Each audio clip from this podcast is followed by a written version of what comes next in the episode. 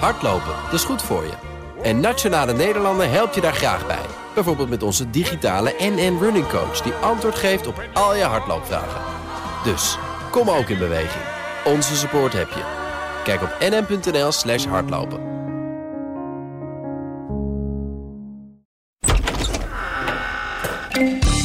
Het is vrijdag 10 november. Nog uh, twee weekjes, kleine twee weken te gaan tot uh, de verkiezingen. Dit is Studio Den Haag. Met in de studio in Amsterdam, uh, ik wou zeggen Leendert Beekman, maar die zit nou net niet hier. Mats Akkerman en Mark Beekhuis. Leendert, jij zit in Kaapverdië. Ja. Wat heb je daar nou weer te zoeken in deze verkiezingstijd? Ja, de Friday Move onze sponsor, TUI, heeft ons naar Kaapverdië gevlogen om hier de Friday Move te maken. En we vliegen morgen weer terug. Oké. Okay. Dus ik volg de campagne heel even vanuit het buitenland. Nou, ook wel weer fascinerend. Maar goed, jij moet je natuurlijk in optreden in dat programma. Um, ja. Laat Frans Timmermans het niet horen. Uh. Nee. of een Esther Ouwehand. Er zijn meer mensen die er iets van vinden. Zeker. Um, wat is op het ogenblik het, uh, de stand van de, van de verkiezingscampagne? Is hij, vorige week waren we nog een beetje mat. Is hij nu echt losgebarsten? Ja, voor mijn gevoel is het eindelijk een beetje fel aan het worden. En dat is uh, afgelopen week is het een beetje gaan uh, starten. We zagen een klein beginnetje zondagavond bij het eerste RTL-debat. Maar gisteren is de aanval geopend. Uh, Omtzigt... Het zeggen, bij RTL heb ik geen uh, Nou, dat waren klein, aanvallen kleine deukjes werden er toen geslagen. En ik zei, het startte een klein beetje. Maar ja.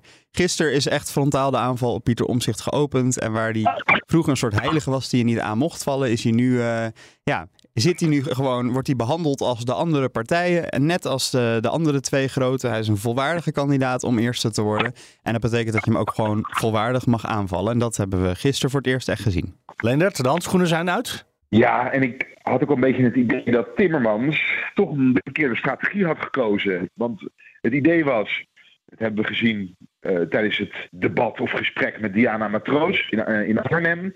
Maar ook bij het RTL-debat. Laten we nou eens kijken wat ons verbindt en niet wat ons, uh, wat ons, waar, waar onze tegenstellingen zitten. En we zullen toch met elkaar verder moeten. En hij probeerde toch toenadering te zoeken naar Pieter Omtzigt. maar ja, dat bleek niet te werken. En nu heeft hij toch gedacht, we gaan een aanval inzetten. Ja, er zijn nogal wat punten waarop je ook wel kritiek kan hebben op Pieter Omtzigt. En vooral zijn besluiteloosheid. Hij weet heel goed, en dat zei hij gisteren ook weer bij op één, wat hij met de rechtsstaat wil en uh, goed bestuur. Uh, maar wil nog wel vaag blijven met andere plannen. En ook wat hij wil doen, of hij wel of geen premier wil worden. Ja, en het is denk ik toch wel verstandig dat ze daar uh, om zich nu in ieder geval over aan de kaart aan de kaart van het tand voelen. Maar Omzicht heeft natuurlijk nog steeds niet 100% gezegd, ik word het niet. Want hij sluit niets uit. Dus ja, voor mijn gevoel zijn er ook niet echt heel veel mee opgeschoten. En bij ik, hij wordt het niet, dan bedoel je, wil hij wel of niet de premier van het land worden? Ja, nou ja, ik, ik heb opeens gisteren ge gekeken waar hij inderdaad zat. Hij heeft in ieder geval gezegd, tot de verkiezingen blijft mijn standpunt dat mijn voorkeur wel echt is om fractievoorzitter te blijven.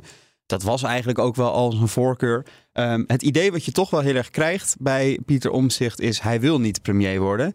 Maar hij voelt een bepaalde verwachting vanuit zijn achterban om dat wel te worden. RTL Nieuws heeft het onderzocht, het RTL Nieuws panel um, van Gijs Rademaker. En daar kwam ook uit dat 84% van de Omzicht-achterban Omzicht als een goede premier zou zien. Of hem eigenlijk als premier wil zien. Ja. Wat daar ook wel voor interessants uitkwam, uh, was dat, ze het, dat de helft het ook niet erg vindt dat hij het eigenlijk nog steeds niet laat weten. Je zou zeggen dat er misschien daarover wat onvrede is. Maar heel veel mensen vinden het, vinden het eigenlijk wel prima dat hij die vraag toch nog een beetje boven Zijn de markt kiezers laat interesseert het niks. Ja, precies. Of maakt het niet uit. Ja, ja precies. Bij andere Ja, partijen vind is het belangrijker. Leendert? De, de, kiezers, ja, de kiezers passen dus heel goed bij Pieter Omzicht. Ze willen het wel, maar het hoeft ook niet. Uh, uh, kortom, ze zijn ook besluiteloos over het uh, premierschap van, van hun politieke leider zelf. Ja. Deze week zijn ook de doorrekeningen van alle partijen. Nou, nee, niet van alle partijen. Van tien partijen als het gaat over financiën. En ik denk acht uit het hoofd van de Planbureau voor de Leefomgeving doorrekeningen. nee, nee, nee. Acht keuze in kaart. CTB. En uit mijn hoofd eventjes vijf bij het... Uh... Nou, minder nog. Ik was, oh, ja. ik was nog te lief voor die partijen. Uh, onder andere die van uh, Omtzigt heeft dat niet, niet willen doen of niet kunnen doen. Zijn, dat zeggen ze geloof ik zelf. Worden ze daar nu inmiddels ook mee om de oren geslagen? Ja, zeker. En ook, ik vind de antwoorden van Omzicht ook heel zwak. Hij zat bij Thijs van de Brink, bij Radio 1 zat hij van de week. En dan zegt hij, ja, iedereen kan mijn verkiezingsprogramma lezen. En als u uh, meer wil weten, dan kunt u met mij in gesprek. En iedereen kan met mij in debat. Maar het is moeilijk om hem aan een, uh, dat hebben wij bij BNR ook gemerkt, om Pieter om zichzelf achter een microfoon te krijgen. Hij doet ook niet mee aan alle debatten. En uh, op, ja, op de transparantie wordt hij nu wel echt, daar wordt hij echt wel op aangevallen. Niet alleen door politiek leiders van andere partijen, maar je ziet het ook op Twitter gebeuren. Dat mensen zeggen van ja, uh, Omtzigt is de man die altijd over transparantie spreekt. Altijd een brief wil hebben, feitenrelaas, het op papier wil zien. En dan gaat het over Pieter om zichzelf. En dan doet hij precies het tegenovergestelde. En zo voelt het voor mij ook wel een beetje. Want aan de ene kant zegt hij, ja, zo lastig is het niet om die cijfertjes uh, uh, naast elkaar te zetten. Maar hij gaat het niet doen. En dan denk ik, ja, meneer Omtzigt, als het allemaal niet zo lastig is en mensen vragen erom, zoals u ook vaak bij het kabinet vraagt om een brief of om een informatieverzoek hebt, dit ja. gaat dan in. Misschien kan, maar, uh, misschien, de, misschien kan Caroline van der Plas het voor hem doorrekenen, want die gaat het voor zichzelf ook tenslotte doen. Dus dan kan misschien de cijfers van uh, Omtzigt mee, meteen meenemen. Ja, uh, ja. Over het grap daarover wel is dat de, de, we hebben die Wim Suiker, die oud CPB-man, die de niet doorgerekende programma's zelf doorrekent. En daar kwam BBB helemaal niet zo slecht uit. Waardoor je zou denken, nou had het gewoon laten doorrekenen. Want ze kwamen een beetje in de middenmoot uit eigenlijk uh, op veel onderwerpen. Um, oh, wat je, de vraag is ook een beetje, ja, Leendert zit misschien nog in het vliegtuig. Dus af en toe hoor je ruis. Nee, flauw. Um, de vraag is ook een beetje, waarom nou opeens deze draai? Waarom is die strategie veranderd? Uh, peilingen. Uh, we hadden zondag het eerste tv-debat. Uh, wordt gezien als een belangrijk moment. Soms is daar een gamechanger. Bijvoorbeeld Kaag ging het daarna in één keer heel goed doen. Er kwam woensdag een nieuwe peiling, woensdagavond van INO. En wat zagen we daarin? Hele kleine verschillen, maar NSC liep een klein beetje uit. VVD en GroenLinks PvdA bleven gelijk. Of nou, GroenLinks PvdA verloor één zeteltje, maar dat vinden ze dan niet significant. Mm -hmm. Oftewel, er was geen merkbaar effect van uh, wat er in dat debat is gebeurd. Ja, het was ook een heel, heel mat debat, dus het was niet zo gek. Het was in die zin wel een mat debat. Um, nou is het voor de VVD, die staan bij de andere peiling bij één vandaag staan ze nog eerste. Dus die zitten nog wel iets gemakkelijker in. Want ja, die denken nou eerste of tweede, het spant er een beetje om. Maar we zitten nog wel goed in de race. Um, GroenLinks PvdA zal de paniek zal hem ietsje groter zijn. Want Frans Timmermans is natuurlijk echt daar gekomen met... ik kom terug uit Europa, ik word lijsttrekker, ik wil premier worden... wij willen de grootste worden. Ze staan in alle peilingen derde. Er zit echt wel een afstandje tussen hen en de nummers 1 en 2, VVD en NSC. En er zit ook niet echt een groei tot nu toe nog in. Um, en wat INO daarbij nog schreef, en dat had ik me nog niet zo gerealiseerd... Maar het aantal zetels wat Timmermans nu ongeveer in die peiling krijgt, dat is eigenlijk een beetje gelijk aan wat PvdA en GroenLinks bij elkaar opgeteld hadden al voordat ze samen gingen. Ja, dus er is geen effect dus van is, de fusie. Ja, dus het is 1 plus 1 is 2 en nog niet 1 plus 1 is 3. Dus, dus de verzoenende strategie van de heer Omtzigt en ik, wij kunnen het op zoveel onderwerpen goed met elkaar vinden. Het heeft nog niet gewerkt. En dus gaan ze nu het anders laten zien. En dus bij Timmermans is nu de strategie geworden. Meneer Omtzigt zegt wel dat hij zo erg voor bestaanszekerheid is. Maar wat doet hij nou echt voor bestaanszekerheid? Wij verhogen het minimumloon naar 16 euro per uur. Ik heb bij u nog niet een concreet getal genoemd. Uh, als je echt wil dat mensen uh, de kwaliteit van leven, dat die zekerder wordt, dan moet je bij links zijn. Bij GroenLinks PvdA en niet bij Pieter Omzicht. Dat soort zaken. Uh, is dat ook wat jij ziet, Leendert, vanuit dat verre Kaapverdië? Ja, en ik denk ook dat Timmermans gewoon weer het sociaal-democratische verhaal moet gaan vertellen. En niet moet opschuiven naar het midden zijn achterban, en zeker de achterban van GroenLinks, wil, wil gewoon dat verhaal horen. Hè. Ze willen eigenlijk dat de partij zich afzet tegen uh, in hun ogen toch het conservatieve uh, programma van Nieuw Sociaal Contract en zeker de VVD. Ja, wat stel je voor? Dat Timmermans op de Dam uh, het, het, volk gaat toespreken en mannen, we gaan het regelen. ja. En vrouwen ja, tegenwoordig ja, ook. Maar dat hij in ieder geval ehm, in de volgende debatten dat geluid laat horen. Maar zondag kan het niet. Want zowel Omzicht als Timmermans hebben afgezegd voor het RTL-debat. Waarom is dat? Hebben jullie een verklaring? Ja, ik vind dat heel bijzonder. Um, de officiële verklaringen zijn volgens mij uh, agenda technisch en te druk en uh, het paste er niet in. Um, Daar geloof ik niks van. Want dit, dit is een tv-debat en als je dat graag wil, dan ga je daarheen. Ja, nee, en het was ook lange tijd onzeker. Ik heb nog met RTL erover gesproken. Van, ja, wat was het nou? Nou, eerst zei de een af en nog, nog, nog, nog wat later de ander. Ik ben nou even vergeten wat de volgorde was. Maar ja, ik denk, ja, bij Timmermans denk ik misschien omdat het eerste debat niet zo goed ging, dat hij heeft de tweede heeft afgezegd. Maar het lijkt me toch, ja, nou ja, ik heb het eerder deze week al een keer in de uitzending gezegd. Het lijkt me toch een tactische misser. Want we zien bijvoorbeeld ook in de peilingen een D66 een klein beetje stijgen. Het is natuurlijk nog steeds een dramatisch verlies. Maar het lijkt toch ietsje beter te gaan weer. Ehm, en dat is precies die pool kiezers die daar ook zit. En die zitten nu wel bij dat uh, tv-debat. En dan krijgen we dus zondag een debat waar Jesselgus uh, ja, eigenlijk de enige premierskandidaat is. De enige die echt de eerste kan worden. Uh, en wie gaan dan daartegenover staan en dat pro het progressieve geluid laten horen? Nou ja, D66, Partij voor de Dieren, niet Frans Timmermans. Dus ik denk dat dat niet naar dat debat komen voor hem wel een tactische misser is. Voor omzicht. Ja uh, heb ik het gevoel dat het minder uitmaakt. Want... Eigenlijk zouden ze ja. nu moeten afbellen en dan zeggen: we gaan maken gewoon een debatavond met de kleinere partijen. Iedereen die rond de tien zetels uh, scoort, die is welkom. En uh, de grote, die hebben we vorige week al gedaan.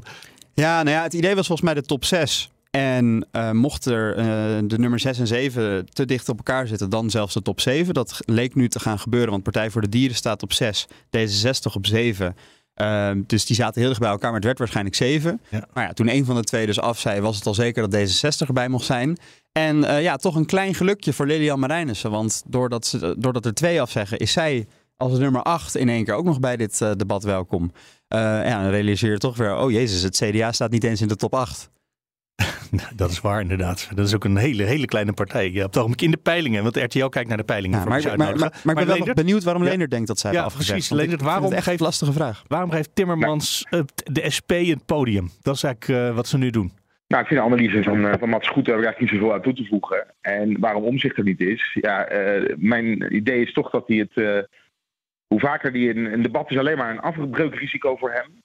Uh, hij wil het liefst één op één, uh, dat, gisteren ging dus wel bij op één dus zitten, gewoon lekker zelf zijn verhaal kunnen vertellen. Ja. en hij heeft er dus eigenlijk niets, mee, niets bij te dienen. En de klachten over hoe het de, de campagne tot nog toe gaat, en vooral in debatten, dus toch gezapigheid. In eerste instantie was het verfrissend, politici die geen ruzie maken, laten zien dat ze het op bepaalde punten met elkaar eens zijn. Maar je merkte toch wel dat er steeds meer kritiek op kwam. Van ja, wat moeten we nou gaan kiezen? Zeker bij de Partij van de Arbeid. Want er zijn nog veel linkse stemmers die nog steeds, dat zien we ook in die onderzoeken terug, op Pieter Omzicht gaan stemmen. Nou, die kan je kunnen halen.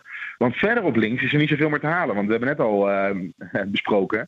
De andere linkse partijen uh, zijn toch wel klein. Ja, hoeveel stemmen kan je nog bij de SP of bij uh, Partij voor de Dieren vandaan halen? Bij Volt, dat zijn er niet zoveel. Bij D66 progressieve stemmer. Denk dat die ook wel leeg is ondertussen. Dus je zal het echt bij Pieter Omzicht vandaan moeten halen als je Partij van de Arbeid GroenLinks bent. Ja, dit is nog, je noemt nou D66, Mats had het er net ook even. Dat verbaast mij nog het meeste. Dat iedereen het zo vanzelfsprekend vindt dat er van 24 zetels niet, niet de helft over is. Dat snap ik echt niet. Dat iedereen dacht dat het een goed idee was om op D66 te stemmen. En nee, dat is niet waar, maar toch wel uh, een procent of uh, eh, 12 tot 15 of zo. En dat nu geen 6% dat wil. Dat, dat, dat ja, verbaast me echt. Historisch gezien, we hebben het historisch gezien natuurlijk veel vaker gezien bij D66. Ja, vind ik elke in 94, In 94 grote verkiezingsoverwinning onder Van Mierlo. In 98, uh, terwijl Paars, toch echt een, Paars 1 toch echt als een succes gezien werd verloor D66. Ja, regeren is halveren was toen de decreet. Maar dat is natuurlijk toch bijzonder. Dat, dat de stemmers, de kiezers van D66 de, en, en, zo verschrikkelijk ontrouw zijn. Dat we er wel vol overtuiging op stemmen en dan daarna vol overtuiging dat niet doen. Maar goed, daar gaan we misschien ook nu geen oplossing voor verzinnen. Um, nou, het zag er neemt wel toe hoor bij D66, uh, merk ik achter de schermen. Ze zijn daar toch echt uh, wel een beetje wanhopig aan het worden. Van ja, hoe keren we dit nou? En um, maar ze willen heel erg uitstralen dat ze niet in paniek zijn. Uh, want in alle media-optredens, als je ernaar vraagt, dan is het. Ja, maar ja, vorige keer bij de vorige verkiezingen, toen stonden we ook op 12. En toen nou, uiteindelijk werd het 24. Dus um, het is echt nog geen ja, gelopen race. Maar ja, dat, dat, is, dat moet je natuurlijk ook wel zeggen. Want ja, je kan niet zeggen, nee, inderdaad, we gaan uh, terug naar 8. En uh, meer zal het niet worden. Ach, en zelfs de grootste partijen zijn nog steeds kleine partijen. Dit kwam helde ik vanmorgen een podcast van de collega's van Trouw. Die uh, zeiden, een partij die weet dat ze klein zijn en partij die het nog niet doorhebben. Ja, ja dat, dat geldt inderdaad. Zelfs de VVD, ik bedoel, die staan dan misschien aan kop. Of NSC staat misschien aan kop. Die hebben ook nog steeds uh, maar ten, nou, hooguit 30 zetels. Maar ehm, ik vind het ook nog wel even interessant om naar de, de VVD te gaan kijken. Ehm, want we hebben het nu steeds over Timmermans, die vanaf die derde plek eh, ja, eerste wil gaan horen. VVD heeft ook nu, eh, ja, VVD wil ook wel echt eerste worden. Eh, zitten wel voor mijn gevoel heel ontspannen in de wedstrijd. Waarom? Nou ja, omdat afgelopen decennia zag je altijd als je de grote regerende partij was die de premier leverde, dan ging het daarna mis en stortte je in. Ja. Nou ja, nu staan ze gewoon in eigenlijk alle peilingen of eerste of tweede, maar met een beperkt zetelverlies. Maar gezien het feit dat er een nieuwe partij als omzicht bij komt, is dat niet een heel gek verlies. Oftewel, de overgang Rutte-Jezegus gaat gewoon hartstikke soepel. Dus zij kunnen heel ontspannen campagne voeren. Maar om eerste te worden, moeten zij toch ook nog ergens een paar zeteltjes vandaan schrapen. om net wat groter dan omzicht te worden. En er zijn veel overeenkomsten tussen die partijen. Het wordt, werd ook zondag in het debat Allebei gezegd. conservatieve partijen. Ja, en op, op migratie zitten ze bijvoorbeeld eh, meer op dezelfde lijn. Ook toen Omzicht zondag bij het RTL-debat kreeg van... ja, staat u nou meer aan de kant van Timmermans met lastenverhogingen... of gaat u meer voor de VVD voor bezuinigingen? Nou, dan zei hij ook, ik ben meer voor het overheidsfinanciën doorlichten, dus bezuinigen. Dus op heel veel punten zitten die twee meer in elkaars hoek. Ehm, dus wat heeft de VVD bedacht de afgelopen week als punt eh, waarbij het toch nog wel een beetje verschillen? Nou, Omtzigt had maandag gezegd dat hij de SGP wel als een mogelijke partij zag om mee te regeren.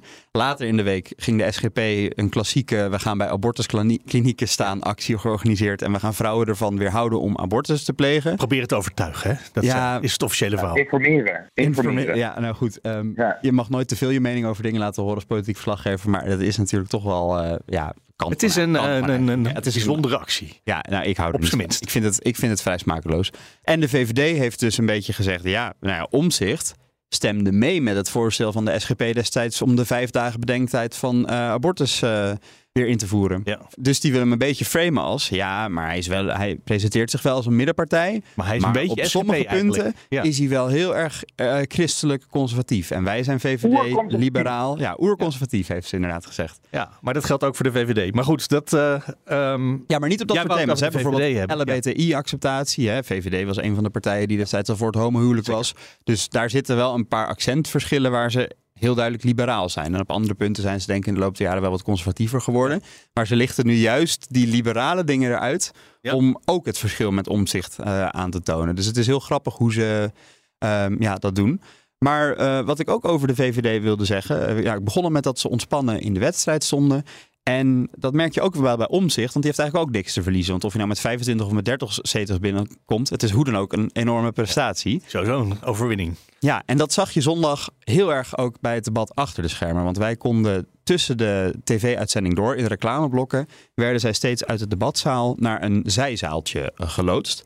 Dan de spitnotters natuurlijk zitten te wachten Ja, om ze weer ja, eventjes, en- zoals in de boksring in de hoek, eh, Precies. even op en te lappen. Omzicht konden wij niet zien. Die stond iets te ver weg. Dat was jammer. Timmermans die stond de hele tijd leunend tegen een muur met twee ja, woordvoerders, spindokters.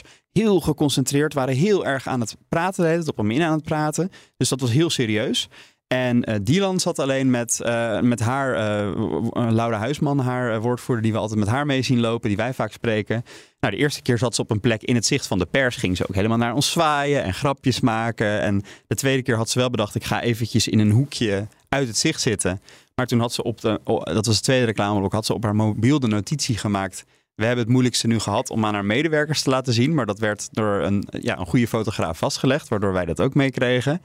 Nou, toen ze dat door had, heeft ze er ook nog zelf een grapje over gemaakt. Dus het was, ze was lacherig en praterig met de pers. En ehm, achteraf heb ik haar nog even gevraagd. Ja, wat ze nou bedoelde met die eh, aantekening met we hebben het moeilijkste al gehad. Mevrouw Jessicus, eh, in de reclame stond er op uw telefoon, we hebben het moeilijkste gehad. Waar ging dat over? Nou, ik, we waren over de helft en ik vond dat wel eh, een opluchting. Ik vond het eigenlijk heel fijn gaan. En, eh, en dat schreef ik. Maar toen wist u nog niet dat er een vraag over pensioenen zou komen. Ja, die vond ik ook niet zo moeilijk. Dus ik had wel gelijk in mijn berichtje, dus dat was mooi. Dat was niet allemaal bluff wat we daar zagen. En, en nee, u gaat ervan uit dat ik denk dat journalisten meekijken in mijn telefoon en dat publiceren. Nee, dat had ik niet verwacht. Dat vond ik zelf ook wel een beetje flauw. Eh, maar uiteindelijk is het, eh we waren over de helft en dat vond ik mooi. Het is natuurlijk wel een spannend debat. Zeker. Wat, vond u er verder van? Had u ook het idee dat Pieter Omzicht veel eh, ja, naar uw kant kwam? Ik vond het een goed debat en ik denk dat en de overeenkomsten op onderdelen duidelijk werden, maar ook de verschillen, die er natuurlijk ook zijn. En ik hoop, en dat is natuurlijk waar het debat over gaat, ik hoop dat de kiezer iets wijzer is geworden. Vindt u het vervelend dat u elke keer vragen moet beantwoorden over wat u anders gaat doen dan Mark Rutte? Nee hoor, ik begrijp het wel. Uh, en er komt wel een moment, denk ik, dat het ook uh, klikt bij uh, de vragensteller. Dat ik gewoon een ander mens ben, dat er een nieuw hoofdstuk is. en dat ik mijn eigen invulling eraan geef. U speelde vandaag een thuiswedstrijd in Amsterdam. En thuiswedstrijden moet je eigenlijk altijd winnen. Heeft u zelf het gevoel dat u heeft gewonnen vandaag?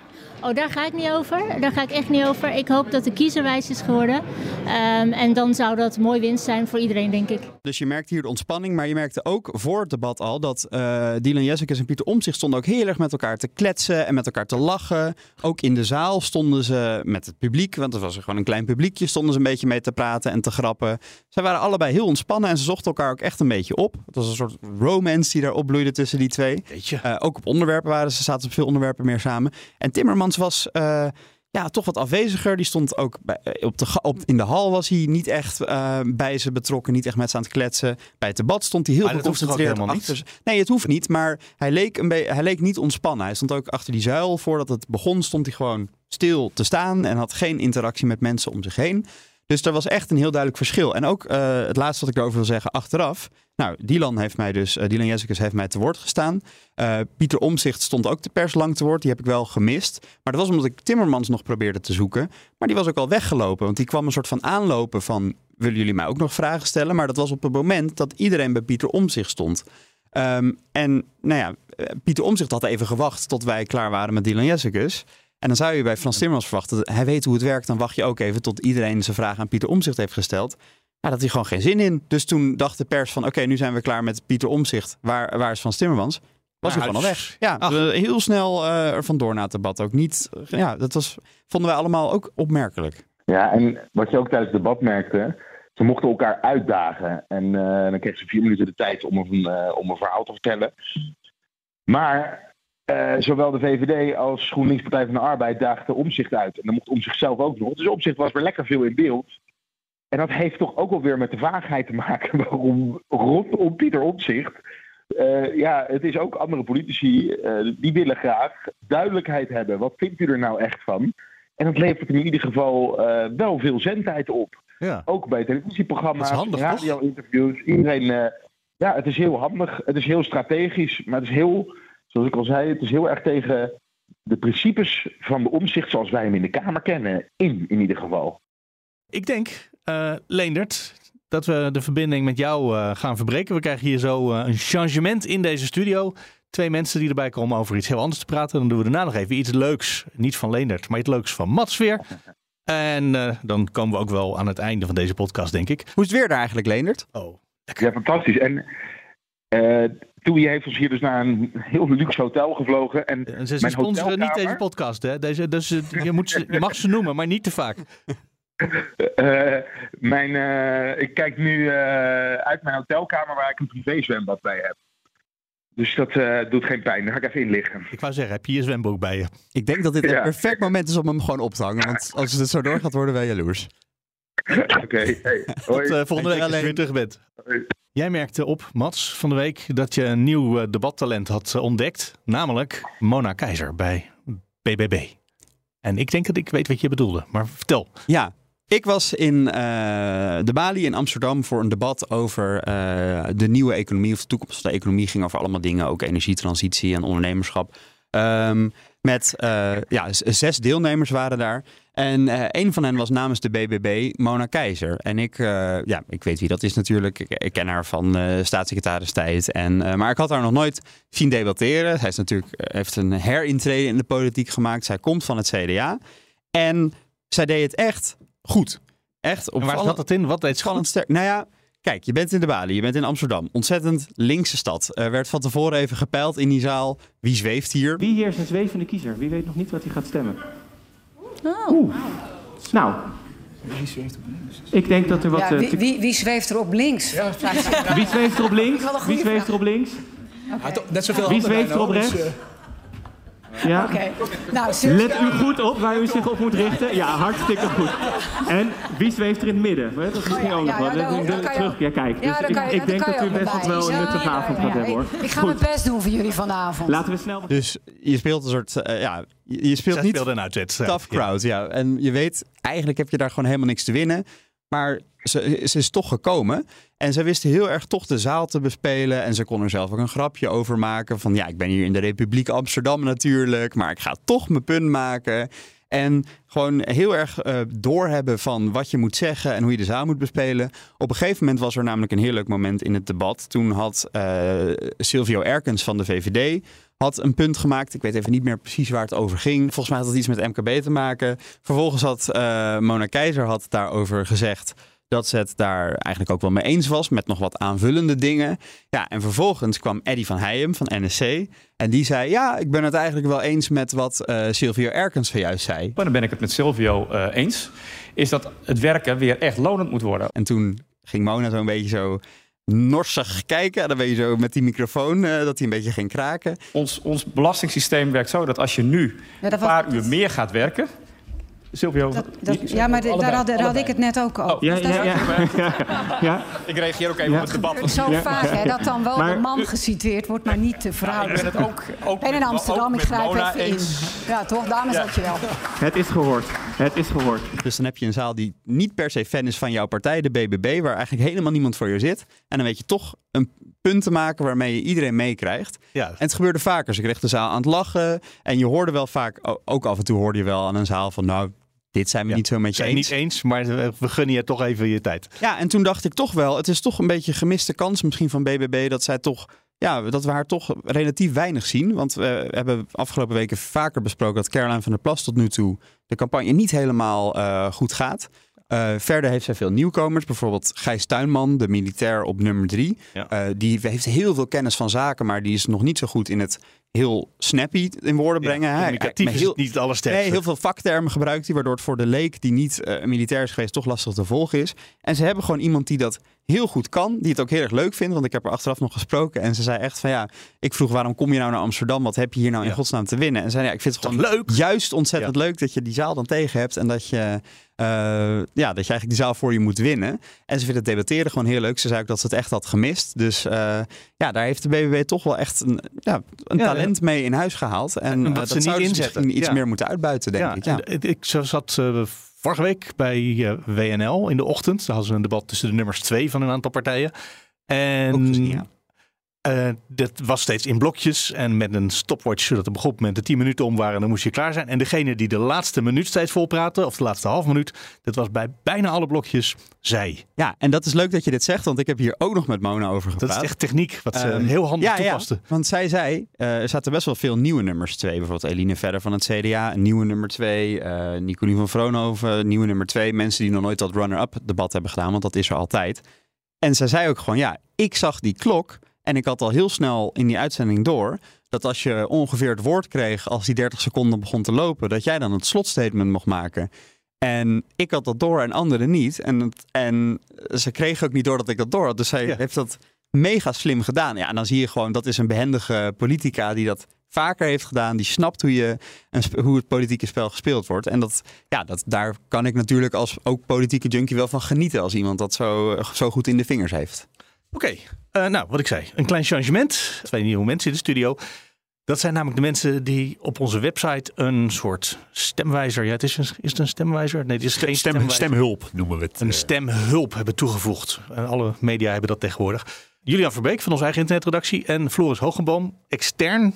Wat is je, waar kom je vandaan? Waarom zijn we bij jou terecht gekomen? Ja, nee, dit is, dit is eigenlijk ooit met mij begonnen als een soort uh, hobbyproject. En ik kende, kende de jongens van BNR Digitaal uh, goed. En uh, toen is daar eigenlijk het balletje gaan, gaan rollen met, met Jo, onze redacteur Digitaal. Um, en nu, nu samen met BNR dat we de AI-stemwijzer of de AI-stemhulp uitbrengen. En hij gaat niet over kunstmatige intelligentie, maar over kunstmatige... middels. Met kunstmatige ja. intelligentie. Waarom willen we dat, uh, Julian? Nou, we willen. Heel stom om dat over onszelf te vragen. Waarom willen we dit eigenlijk? Waarom willen we dit eigenlijk? ja. ja. kijk, het is, dus, is geen stemwijzer, want wij vertellen mensen niet wat ze moeten stemmen. Maar we helpen mensen eigenlijk wat die doet. Dat kan Floris veel beter uitleggen dan ik hoor. Maar dat ding helpt eigenlijk door gerichte vragen te stellen. om antwoord te krijgen van een politieke partij op vragen. Nou, waarom vinden wij dat als BNR interessant? Nou, in, om te beginnen, omdat het iets nieuws is. Het is uh, technologie. Uh, de stichtingen Open Politiek, waar Floris uh, bij hoort. Wij doen het belangeloos. Er zit geen financieel belang bij. We vinden het eigenlijk gewoon heel interessant. Ik bedoel, jullie hebben het waarschijnlijk wel over de campagne gehad of het gebrek aan campagne. We zijn aan de vooraf van superbelangrijke verkiezingen. Er zijn steeds meer partijen. Er is over van alles wat te vinden, maar het wordt ook voor jou als kiezer denk ik eigenlijk steeds ingewikkelder om nou te vinden waar hoor ik nou bij. Nou, het onderzoek blijkt dat mensen steeds minder van nature op een partij stemmen. De, zoals mijn vader stemt al 180 jaar Partij van de Arbeid, gewoon altijd. Ja, en dat moet jij ook als je 20 jaar eerder geboren was. ja, maar nu is dat, nu is dat, niet meer zo. En nu is dat niet meer zo. En daar eigenlijk deze tool uh, helpt erbij om, als je wel weet wat je vindt, maar nog niet weet welke partij dat ook vindt, om je dan een stapje verder te helpen. Dus stel, ik zeg, ik, ik vind het heel belangrijk dat partijen wel in kernenergie investeren. Dan kan ik uh, aan deze stemhulp vragen, welke partijen willen er allemaal kernenergie? Nou, we doen, we doen hem iets anders. Dus wat we doen is, uh, je maakt een filtering van drie partijen die jij, die jij misschien interessant vindt. Hè? Dus zeg van, nou, je bent benieuwd wat, uh, wat, wat de top drie in de peilingen, PvdA, GroenLinks, NSC en, en VVD daarvan vinden. Je voert, een, ehm, je voert een stelling in. Dus Nederland moet investeren in kernenergie. Of kernenergie is een goed alternatief voor, ehm, voor de energietransitie.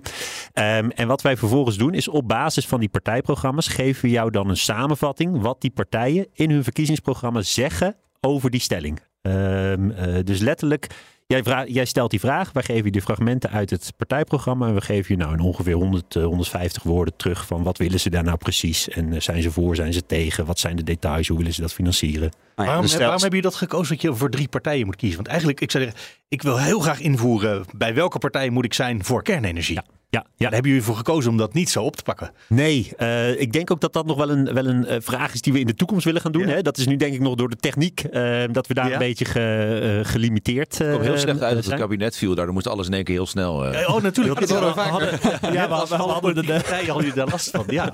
We hadden een idee van een nou, het budget van een jaar gaan we rustig, rustig kijken, gaan we dit ontwikkelen.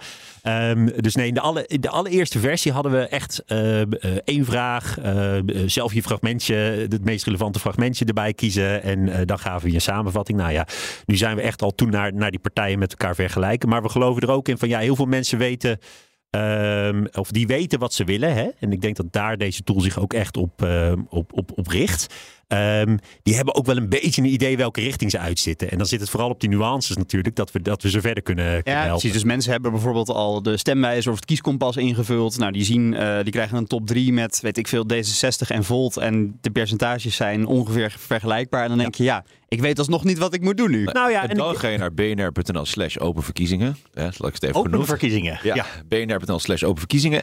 bnr.nl slash open verkiezingen. Uh, en dan uh, kun je dus die vraag nog stellen. En uh, we zien dus ook op zich, hè, we krijgen al veel, heel veel vragen erin. En je ziet dat mensen best wel hele serieuze vragen ook stellen. Dus ook dingen, sommige dingen gaan over bier. Iedereen verdient een pint. Of Flevoland moet weer onder water. Nou, dat is op zich stellingen waar ik het mee eens kan zijn.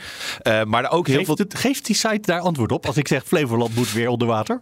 Ik denk het wel. Ik denk dat hij dan ik, antwoord ik geeft. denk dat hij antwoord geeft dat de partijen er niks over zeggen. Ja, ik heb bijvoorbeeld... Ik, heb uh, ik, ik, ik, ga er even vanuit dat alle partijen die hier nu niks over zeggen, niet dat we terug gaan naar En dan, dan weet dat het systeem is, ook niet. Want je hebt natuurlijk bij kunstmatige intelligentie uh, wat hallucinaties genoemd wordt. Ja. Dat er soms gewoon dingen verzonnen worden die nergens vandaan kwamen. Nee, en dat, en dat, uh, dat hebben wij echt uh, tot een minimum weten te beperken. door juist altijd uit te gaan van die, van die verkiezingsprogramma's. En je ziet ook bij ieder alles wat wij, wat wij teruggeven. zie je ook de fragmenten uit het programma waarop we dat, uh, dat gebaseerd hebben. Ja. Um, uh, dus ik schat in dat, uh, nou volgens mij ben je het even aan het proberen, Mark. Ja, welke, welke, drie partijen verwachten we dat Flevoland eventueel onder water zou kunnen willen ja, zetten? Ja, nee, goed, dan moet ik me niet aan branden. Ja, misschien? BBB wil in de, de Noordoost, of in de uh, Oostvaardersplassen gaan bouwen. Dus ik denk dat zij er geen belang bij hebben. Ja, tenzij ze woonboten willen aanleggen. Nee. Maar het geeft ook, ik had in de SGP gevraagd, bestaat God? En dan geeft een heel keurig antwoord dat op basis van het verkiezingsprogramma van de SGP ze concluderen dat, dat God bestaat. Het, mo het, mooiste vond ik nog de hoofdletters in dat antwoord. Hè? Keurig ja. God met een hoofdletter geschreven, hij ja. met een hoofdletter geschreven. Uh, dus je ziet echt, we blijven dicht bij die bron. Uh, maar we geven je wel een samenvatting. Uh. Ja, precies. En het is bijna foutloos. Want inderdaad, AI is dat staat er wel bij. altijd een Pas op, spannend. Maar... Deze AI-samenvatting kan fouten bevatten. Ja, maar, dat is oh, het zit goede nuance. Kijk, wat hij maakt is een samenvatting. En als ik, Mats, als ik jou vraag een samenvatting te maken, en vraag het ook aan Mark. Jullie maken van hetzelfde stuk ook een andere samenvatting. Van, uh, en dat is natuurlijk uiteindelijk een nuance. Er zit een nuanceverschil in. Dus ja, misschien dat politieke woordvoerders daar echt helemaal uh, op aangaan. Maar in principe, hij zal niet zomaar gewoon totale uh, waanzin erbij. Oké, maar dit is wat de kiezer daaraan heeft. Of vooral de zwevende ik ga kiezer. nog even het antwoord, want dat is oh. toch belangrijk. Ik heb ja. nu BBB, CDA en SGP als opties meegegeven. En BBB en SGP die hebben allebei het antwoord dat op basis van gegeven bronnen niet kan worden geconcludeerd. dat Nederland, wat de partij zegt over de stelling Flevoland moet onder water. Um, bij het CDA staat er nog een heel verhaal bij ineens. De bronnen behandelen voornamelijk kwesties met betrekking tot schadeherstel in Groningen, investeringen in mobiliteit. Een hele, heel verhaal wat er nog bij komt. Maar uiteindelijk toch geen specifieke informatie over die stelling die nee, wij nee, net nee. hebben ingevoerd. Nou ja, dus hij probeert wel iets te vinden, maar wel iets, niet. Ja. ja. Is maar, natuurlijk ook hè, eh, in de meeste debatten tot nu toe gaat de stelling moet Flevoland weer onder water. Komt ook niet voorbij. Dus dat is ook niet heel gek dat er niet iets in het programma staat. wordt hij ook beter als mensen vaker dezelfde dingen hebben opgezocht? Of? Nou, wat, wat we doen is, we, we houden wel bij welke stellingen worden vaak gezocht. En uh, die waarschuwingen die je eronder ziet staan, daar kan ook komen te staan, deze stelling hebben we nog handmatig gecheckt. En dat doen we voor heel veel, heel veel, veel voorkomende vragen. Um, uh, dus in die zin wordt die beter, maar het is niet zo dat de AI constant uh, verder leert. En wat er wordt, jullie kunnen dus ook zien wat er wordt gezocht ja. door uh, de mensen ja. die dit gebruiken. Ja. Um, is er dan ook interesse, bijvoorbeeld een nieuw sociaal contract, nieuwe partij, kwam later met het programma. zie je dan ook dat daar bijvoorbeeld veel naar wordt gezocht van wat die partij ervan vindt, of dat die vaak wordt gekozen? Ja, nou, dat, is, dat is wel heel grappig. Ik heb hier het lijstje voor me van wat er, um, wat er allemaal gezocht wordt. En dan zie je eigenlijk dat de top drie, ja, dat is gewoon de, de, de peilingen. Dus nieuw sociaal contract, VVD, PvdA, GroenLinks.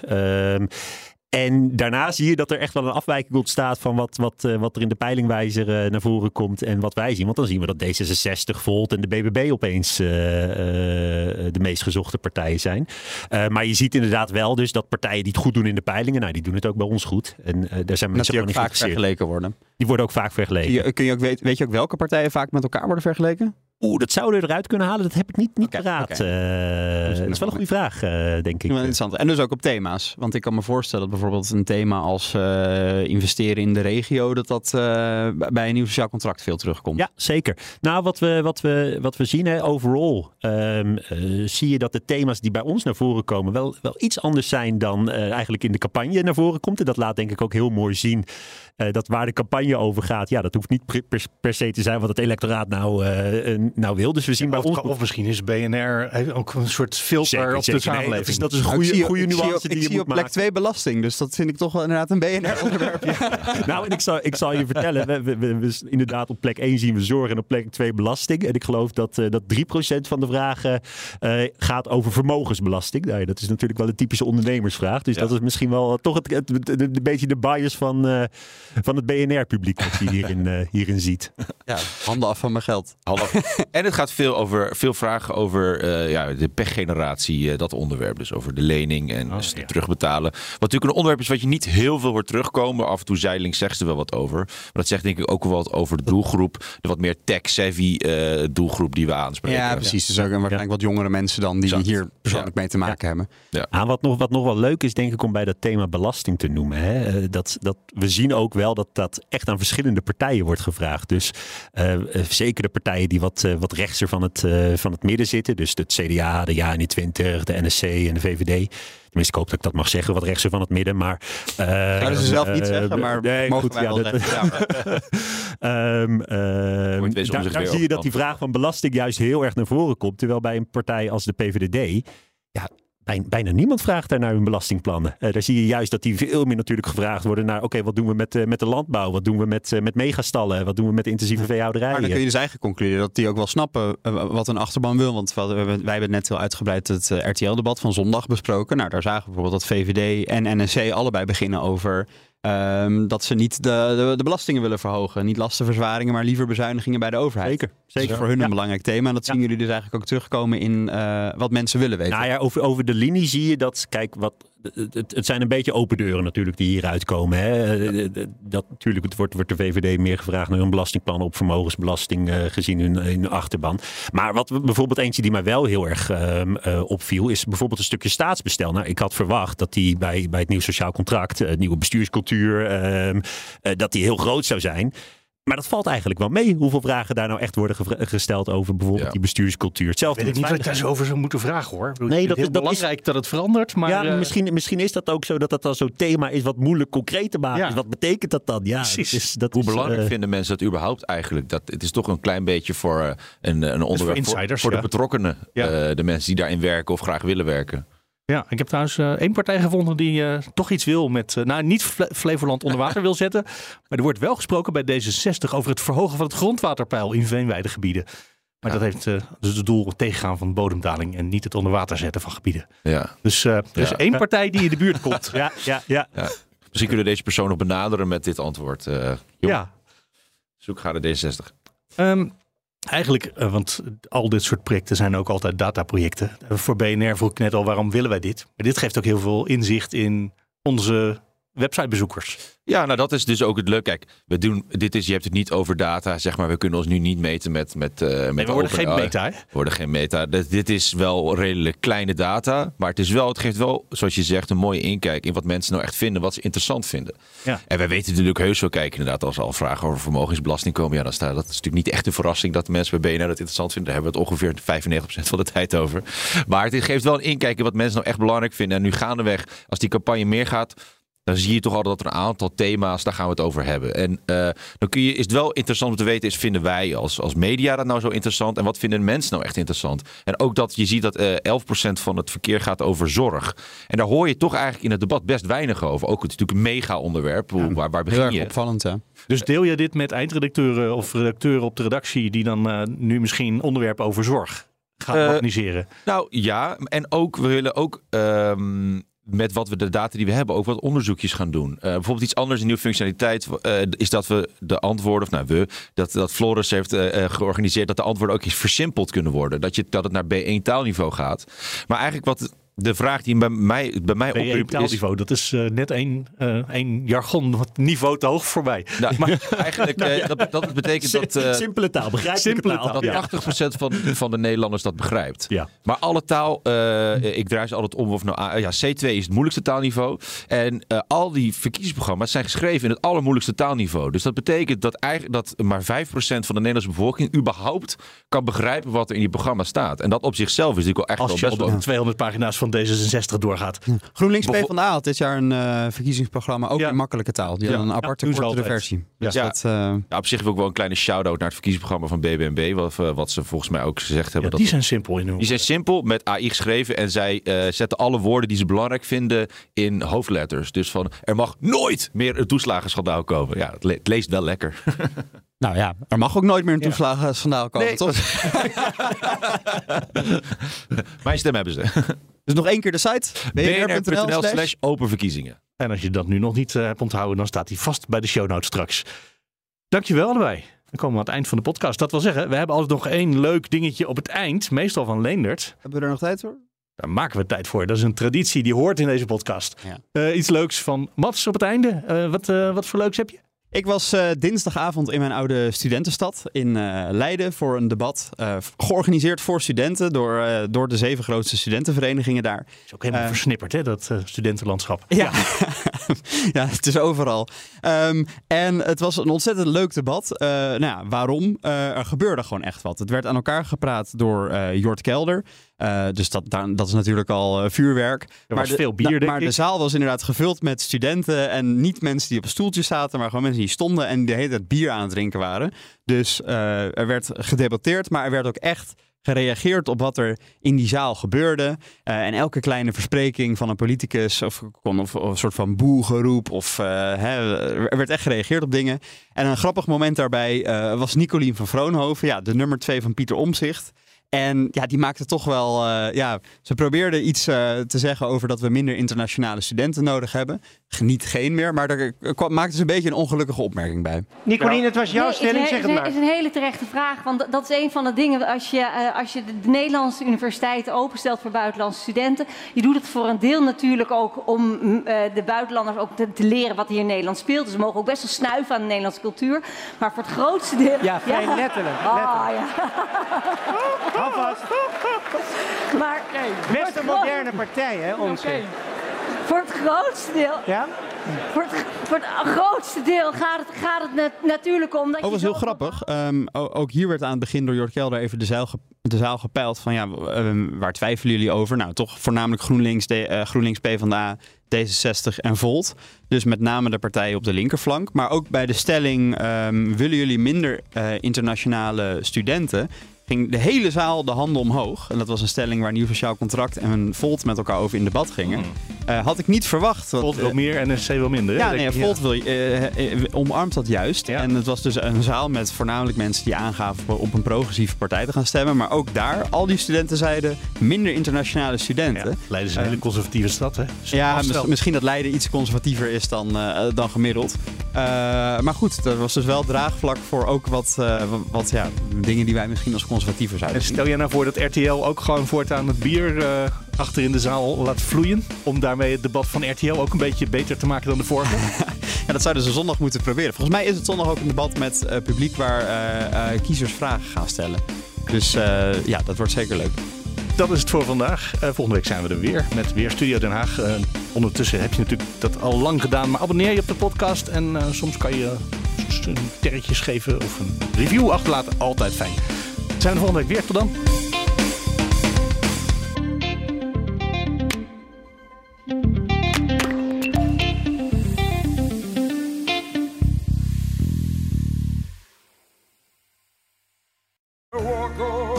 Hardlopen, dat is goed voor je. En Nationale Nederlanden helpt je daar graag bij. Bijvoorbeeld met onze digitale NN Running Coach... die antwoord geeft op al je hardloopvragen. Dus, kom ook in beweging. Onze support heb je. Kijk op nn.nl slash hardlopen.